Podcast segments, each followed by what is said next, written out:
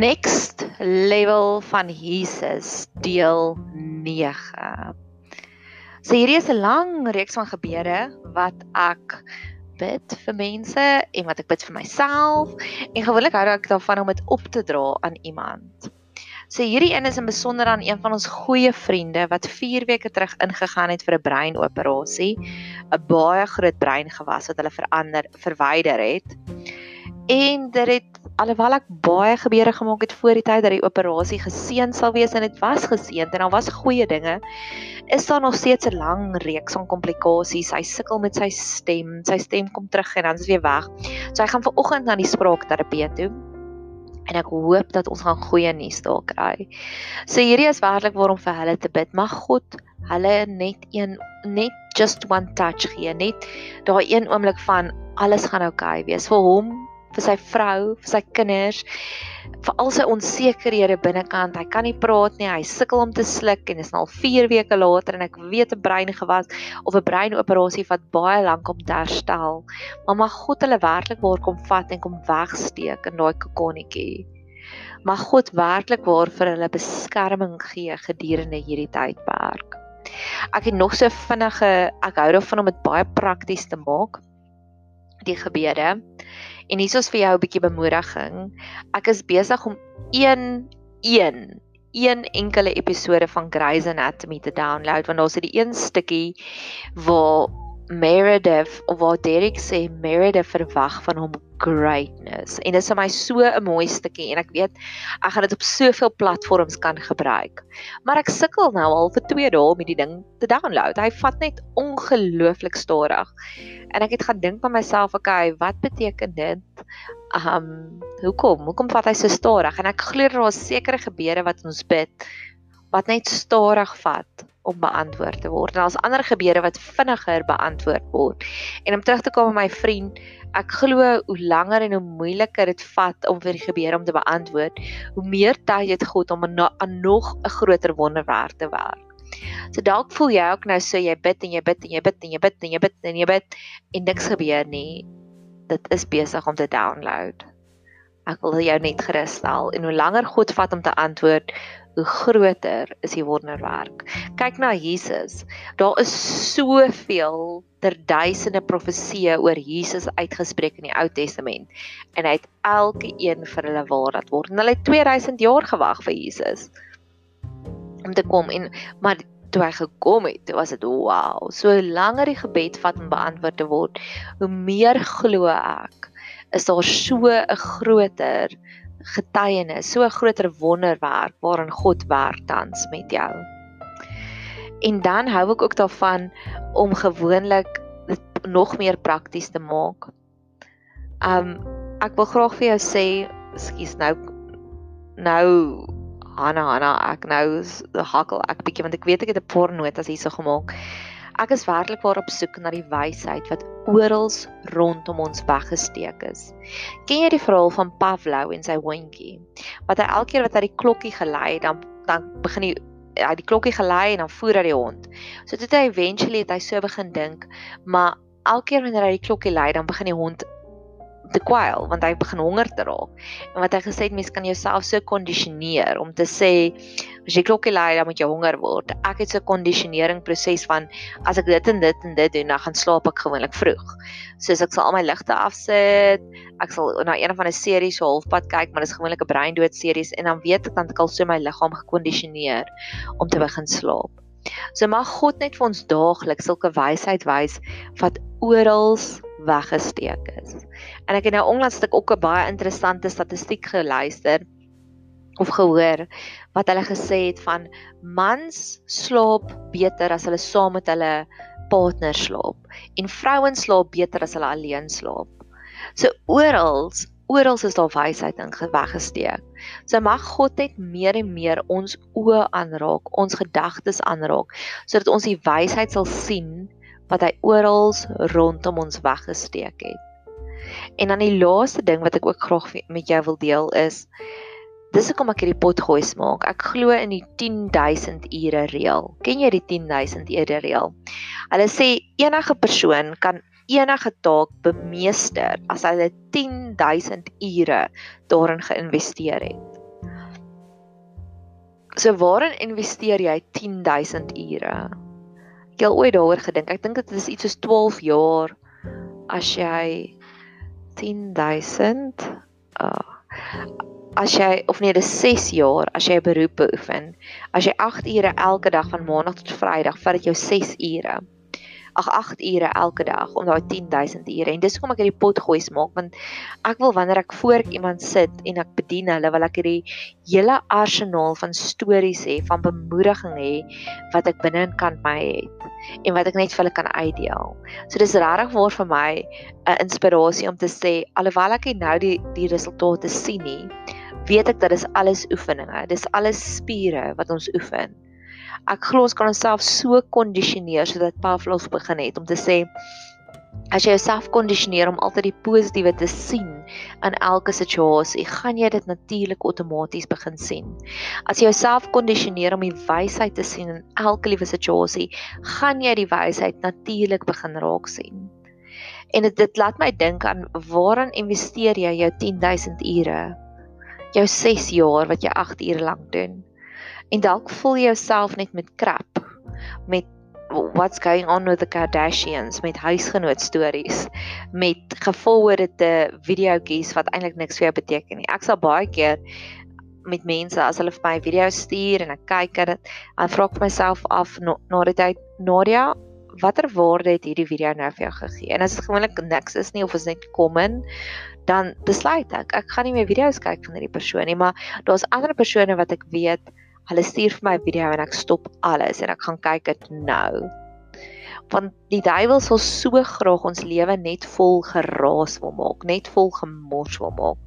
So waarin investeer jy jou 10000 ure? En dalk is dit om na hierdie potgooi te luister en dalk is dit om jouself te voed. Want dit is 'n proses. Dit gebeur little by little. Dalk die eerste week voel jy glad nie 'n verskil nie, dalk nie die tweede week nie. Maar eventually begin jy andersins te dink.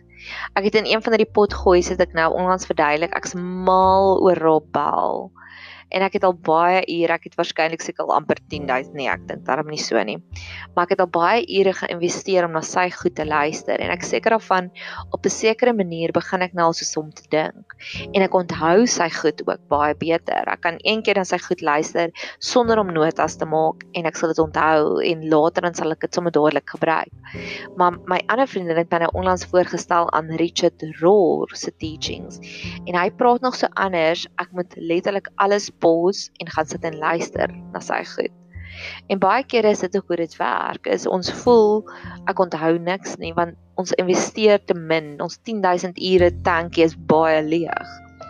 En dis dieselfde met enige geestelike teachings. Is hoe meer jy jouself net immerse daarin en dit is die woord doop baptiso beteken letterlik jy vat 'n droë beskuit en jy doop hom in in koffie in en hy souk dit alles op. En dis hoe ek wil hê my geestelike teachings moet wees. Is ek wil myself submerge. Ek wil die beskuitjie wees wat gedoop word in dit. En dan as jy daai happy beskuit neem, hy's nie meer hard nie. Hy's nie meer bland nie. Hy proe na koffie. Jy proe koffie en hy's sag en hy's maklik om verteerbaar te word. Ek het 1 jaar ag een keer baie jare terug het ek 'n vriendin gehad wat die audio Bybel die heeltyd geluister het in haar kar. En ek het vir haar gevra, "Hoekom doen jy dit?" Toe sê sy, "Want as God met my praat, wil ek vir hom 'n fondasie gee waarop hy met my kan praat."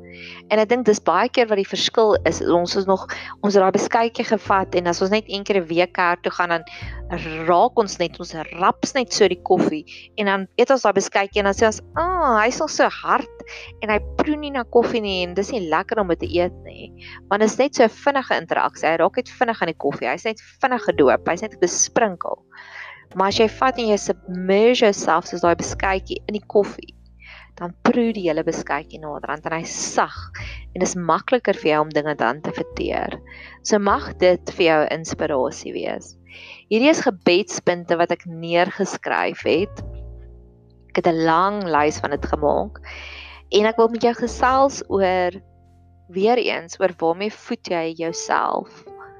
Wat gee jy? Wat waarmee voed jy jouself? Ons weet as jy 3 keer op 'n dag McDonald's gaan eet, gaan jy eventually skeerbuik kry. Jy gaan vet word. Jou jou cholesterol vlakke gaan opgaan, jou sodium vlakke gaan opgaan, jou sout vlakke gaan opgaan. Jy gaan geswel raak en jy gaan waarskynlik baie hardlywig wees want die die voedingswaarde van van kitskos is baie laag. En ons kan nie verwag om dieselfde te doen met ons met ons hartjies nie en dan verwag ons gaan ander resultate kry nie. Net soos wat ons sorgvuldig en noukeurig ons kosgroepe kies om seker te maak ons eet gesond, ons eet genoeg slaai, ons eet genoeg vesel, ons eet genoeg groente, ons eet genoeg proteïene, ons eet minder sout, ons eet minder koolhidrate. Net so moet ons osself ook voed daagliks. Andersins gaan ons emosioneel vet en ongesond raak. En daar's altyd twee riglyne of twee tipe van mense wat die media wil jou net hou in vrees. En as jy net nuus gaan kyk die hele tyd, gaan jy bekommerd raak want jy gaan lees daar's word iemand geskiet, daar's 'n plaasaanval. En as jy nooit jouself voed met die goeie voedingsstowwe nie, gaan jy raak soos hierdie wêreld. Jy gaan korrup raak, jy gaan gebreek raak, jy gaan vol bedrog raak. So waarmee voed jy jouself? En daar's sekere stadiums in die Bybel wat 'n mens ook die spike kon sien. Mense kon die spike sien met die Israeliete wat in Egipte gebly het. Dis daar was hulle alwaarmee hulle gevoed was met hulle was gebruik. Soos 'n mens 'n kar gebruik was hulle gebruik deur die Egiptenare. En as 'n mens kan kyk na Salomo, Salomo was baie materialisties ingestel en hy het regtig vir net 'n materialistiese instelling gekyk. Maar dan as ons later verder kyk na Jesus, Jesus het gekom en hy het kom besluit hy wil eerder die mense kyk dat hulle innerlik, as hulle van innerlik gesond is, waar die hart van vol is, loop die mond van oor. So net soos as jy na die Bybel kan kyk, kan jy vir jouself verskillende voedingsstowwe kry. En waarna gaan jy fokus? Gaan jy fokus op die onderdrukking, die oppression van die Egiptenare en ons geen God nie en um jy voel jy word net gebruik, gaan jy fokus op Salomo wat materialisties ingestel was of gaan jy fokus op Jesus wat van die innerlike is? En ons lewe in 'n baie baie interessante era. Ek het in my vorige pot gooi het ek baie daaroor gepraat oor die buffet. As God gee elke dag vir ons hierdie buffet voor ons en ons kan kies wat ons wil eet. Ons kan kies wat ons wil inneem. En ek dink spesifiek vandag en vandag se tye is daar 'n groot skuif na minimalisme toe. As jy baie na TED Talks kyk, sal jy sien dat daar's baie mense wat minimalisties begin lewe, wat besef maar less is actually more. En mag ons daagliks so kop skuif maak om te sê, daar's 'n quote wat sê, doen iets vandag waaroor jy toekomstige self gaan dankbaar wees. Mag ons elke dag een investering doen vir onsself waar ons toekomstige self vir ons gaan dankbaar wees. Ek dink ook aan egosentries en aan die toring van Babel. Ek dink dis juis wat daar verkeerd gegaan het. Dis daai mense het so egosentries geraak. Dit is hoekom God gemaak het dat hulle tale verwarring gebring het, dat hulle glad nie meer mekaar kon verstaan nie. Want ek glo dat elkeen het hulle eie toring van Babel gekry, geprobeer bou. Hulle wou net hulle self bevorder het en dit God verwarring ingebring. Ek glo elke dag kry ons bakstene en ons kan besluit gaan ons 'n toring van Babel bou of gaan ons 'n tempel bou. Gaan ons 'n plek bou waar mense kan kom worship. Gaan ons 'n plek bou waar mense meer dieper vlakkies van God leer ken of gaan ons 'n plek bou waar dit is me, me, myself and I. En dis waarvoor ek staan en dis waarvoor ek glo en dis dit is ook een van die redes hoekom ek al hierdie potgoeis maak. Ek het oor die naweek het ek nog 'n rappel. Ek het 'n lang teaching van hom gaan download, gaan koop en gaan download oor, oor something to say. En hy praat daaroor daar's drie verskille wat jy kan aan probeer aankweek in elke praatjie wat jy doen. Jy kan of 'n aksie doen of jy kan 'n um 'n attitude houdingsverskil maak. Ewe skielik dink mense nie meer aan hulle eie toring van Babels nie. Hulle dink aan hoe kan ek vandag 'n tempel bou? En dan sê hy laasens jy kan 'n atmosfeer verskil maak en dis waarna ek regtig waarop soek is om hierdie atmosfeer verskil te maak dat daar 'n geestelike riem is wat anders dink, wat nie meer dink aan kom ons bou 'n toring van Babel nie, maar wat kan dink aan hoe kan ek 'n tempel bou? Hoe kan ek 'n plek bou waar mense meer van God kan kry? Ek het nou-nou gesê ek glo ons elkeen kry daagliks bakstene. En daar's soveel gelykenisse wat Jesus vertel het om te sê maar jy moet goeie um se nee nie servants nie. Nou kan rentmeesters jy moet goeie rentmeesters wees van dit wat God vir jou gegee het. Ons moet rentmeesters wees van ons tyd. Eerste van alles waarin investeer ons ons tyd? Wat weer terugkom by die 10000 ure reël. Waarin investeer ons ons energie? Wat weer eens terugkom by maak 'n stoktyd van die mense rondom jou. En waarin investeer jy jou jou hulpbronne, jou finansies. Want dit is juist dit verklap waar jou prioriteite lê, waarin al hierdie goedjies investeer. So elke dag staan God voor ons en hy gee ons 24 uur. En hoeveel van daai ure gee ons regtig terug vir God? En hoe kan ons verwag dan dat hy met ons seën as ons net vir hom 'n 5 minute gee voordat ons eet? Seën hierdie kos. Amen. So mag ons werklik waar elke dag net weer eens opnuut besef. Ons kry elke dag 'n sak bakstene en ons kan kies of wil ons 'n toring van Babel daarmee bou of wil ons 'n tempel bou. En jy bou 'n tempel deur om meer Bybelstudie te doen, deur om meer van God te leer. Jy bou 'n tempel deur om na hierdie potgoeie te luister. Jy bou 'n tempel deur om 'n bemoedigende boodskapie vir iemand te stuur. Maar dis alles maniere hoe jy mense weet nader trek aan God en sê maar kom kyk hier, kom fokus hierso. Ek love die feit dat daar soveel Nobelpryse uitgedeel word vir goeie dinge. Nobelpryse van vredemakers. Maar dit is amper so far far off. Dit so 'n amper 'n eerie konsep. En baie kere kan mense net met anders kyk en sien, "Ag, oh, hulle ry BMW, hulle ry in 'n groot huis, hulle het 'n boot, hulle het dit, hulle het 'n jacuzzi." So, wow, hulle is suksesvol. Maar net soos vir aan Nobelpryse is en dis iets waarna ek regtig waar op soek is, baie intensief met my hele hart en met my hele siel, is ek wil meer erkenning gee vir mense wat emosioneel gesond is. Mense wat die sakke sout opgeëet het om hulle emosionele wonde te genees. Mense wat werklik waar as mens kom kyk hoe lyk hulle in die geestelike rieale met hulle 5 bote, 2 jacuzzis, 3 vakansiehuise, een in Plet, een in Clifton en een in Ouboy in George. Want in die geestelike rieale, ek wil graag hê God my oë aanraak sodat ek daai mense kan raak sien. Daai mense wat hierdie hierdie goudmyne diep binne in hulle het mag ons net meer en meer sulke mense raak sien. Ek sit nou hier so en kyk my lewensafrigter het 3 weke terug vir my kersie gegee. En dis 'n baie unieke kersie. Dis 'n kersie wat eerste van alles as jy hom brand, dan die kers was word nie kliphard nie. Dit word dan so sag soos botter, nê? En dan kan jy daai kers was vat, nê, en dit aan jou liggaam smeer. So dis 'n kersie wat dan 'n roompie word. En Ek het hom gisteraand vir die eerste keer gebrand want ek was heeltemal te sentimenteel, ek's baie sentimenteel.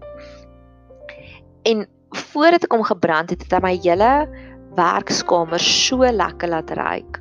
Ek het een van daai Glade spuitgoedjies wat so elke ek weet nie hoe lank nie, elke 10 minute afspuit so tsch, tsch. en dit vergelyk nie eers met hierdie wonder en ek het dit in my slaapkamer, maar die kersie is hier in my werkskamer. En daai ding jy vergelyk nie eens naaste by met die wonderlike aroma wat ek het van die kersie nie. En vir my is dit the gift that keeps on giving. En ek weet daar sulke mense in my lewe wat en Rit skryf of Boas gee vir Rit die kompliment om te sê hoe meer ek jou leer ken, hoe meer hou ek van jou. Jy jy het jou laaste liefde beter gemaak as jou eerste liefde. En dis waarna ek op soek is. In plaas daarvan om te sien dat hierdie ou bly in 'n groot estate, uit 'n boot, uit 'n jacuzzi, uit dit, uit dit, mag ons net meer die tempel sien wat mense bou, besig is om te bou in plaas van die torings van Babels. En mag ons net meer en meer doelbewus kies dit wat ons inlaat in ons liggame. En mag ons die mense wat soos my kersie is, the gift that keeps on giving wat soveel verskillende dimensies het. Dit gee lekker aroma, dit gee lig en is 'n hande roompie wat jy kan aansmeer. Mag ons mense soos dit net meer en meer raak sien. Mag God ons oë aanraak om mense soos dit raak te sien en hulle fees te vier. Mag jy 'n super geseënde dag hê verder.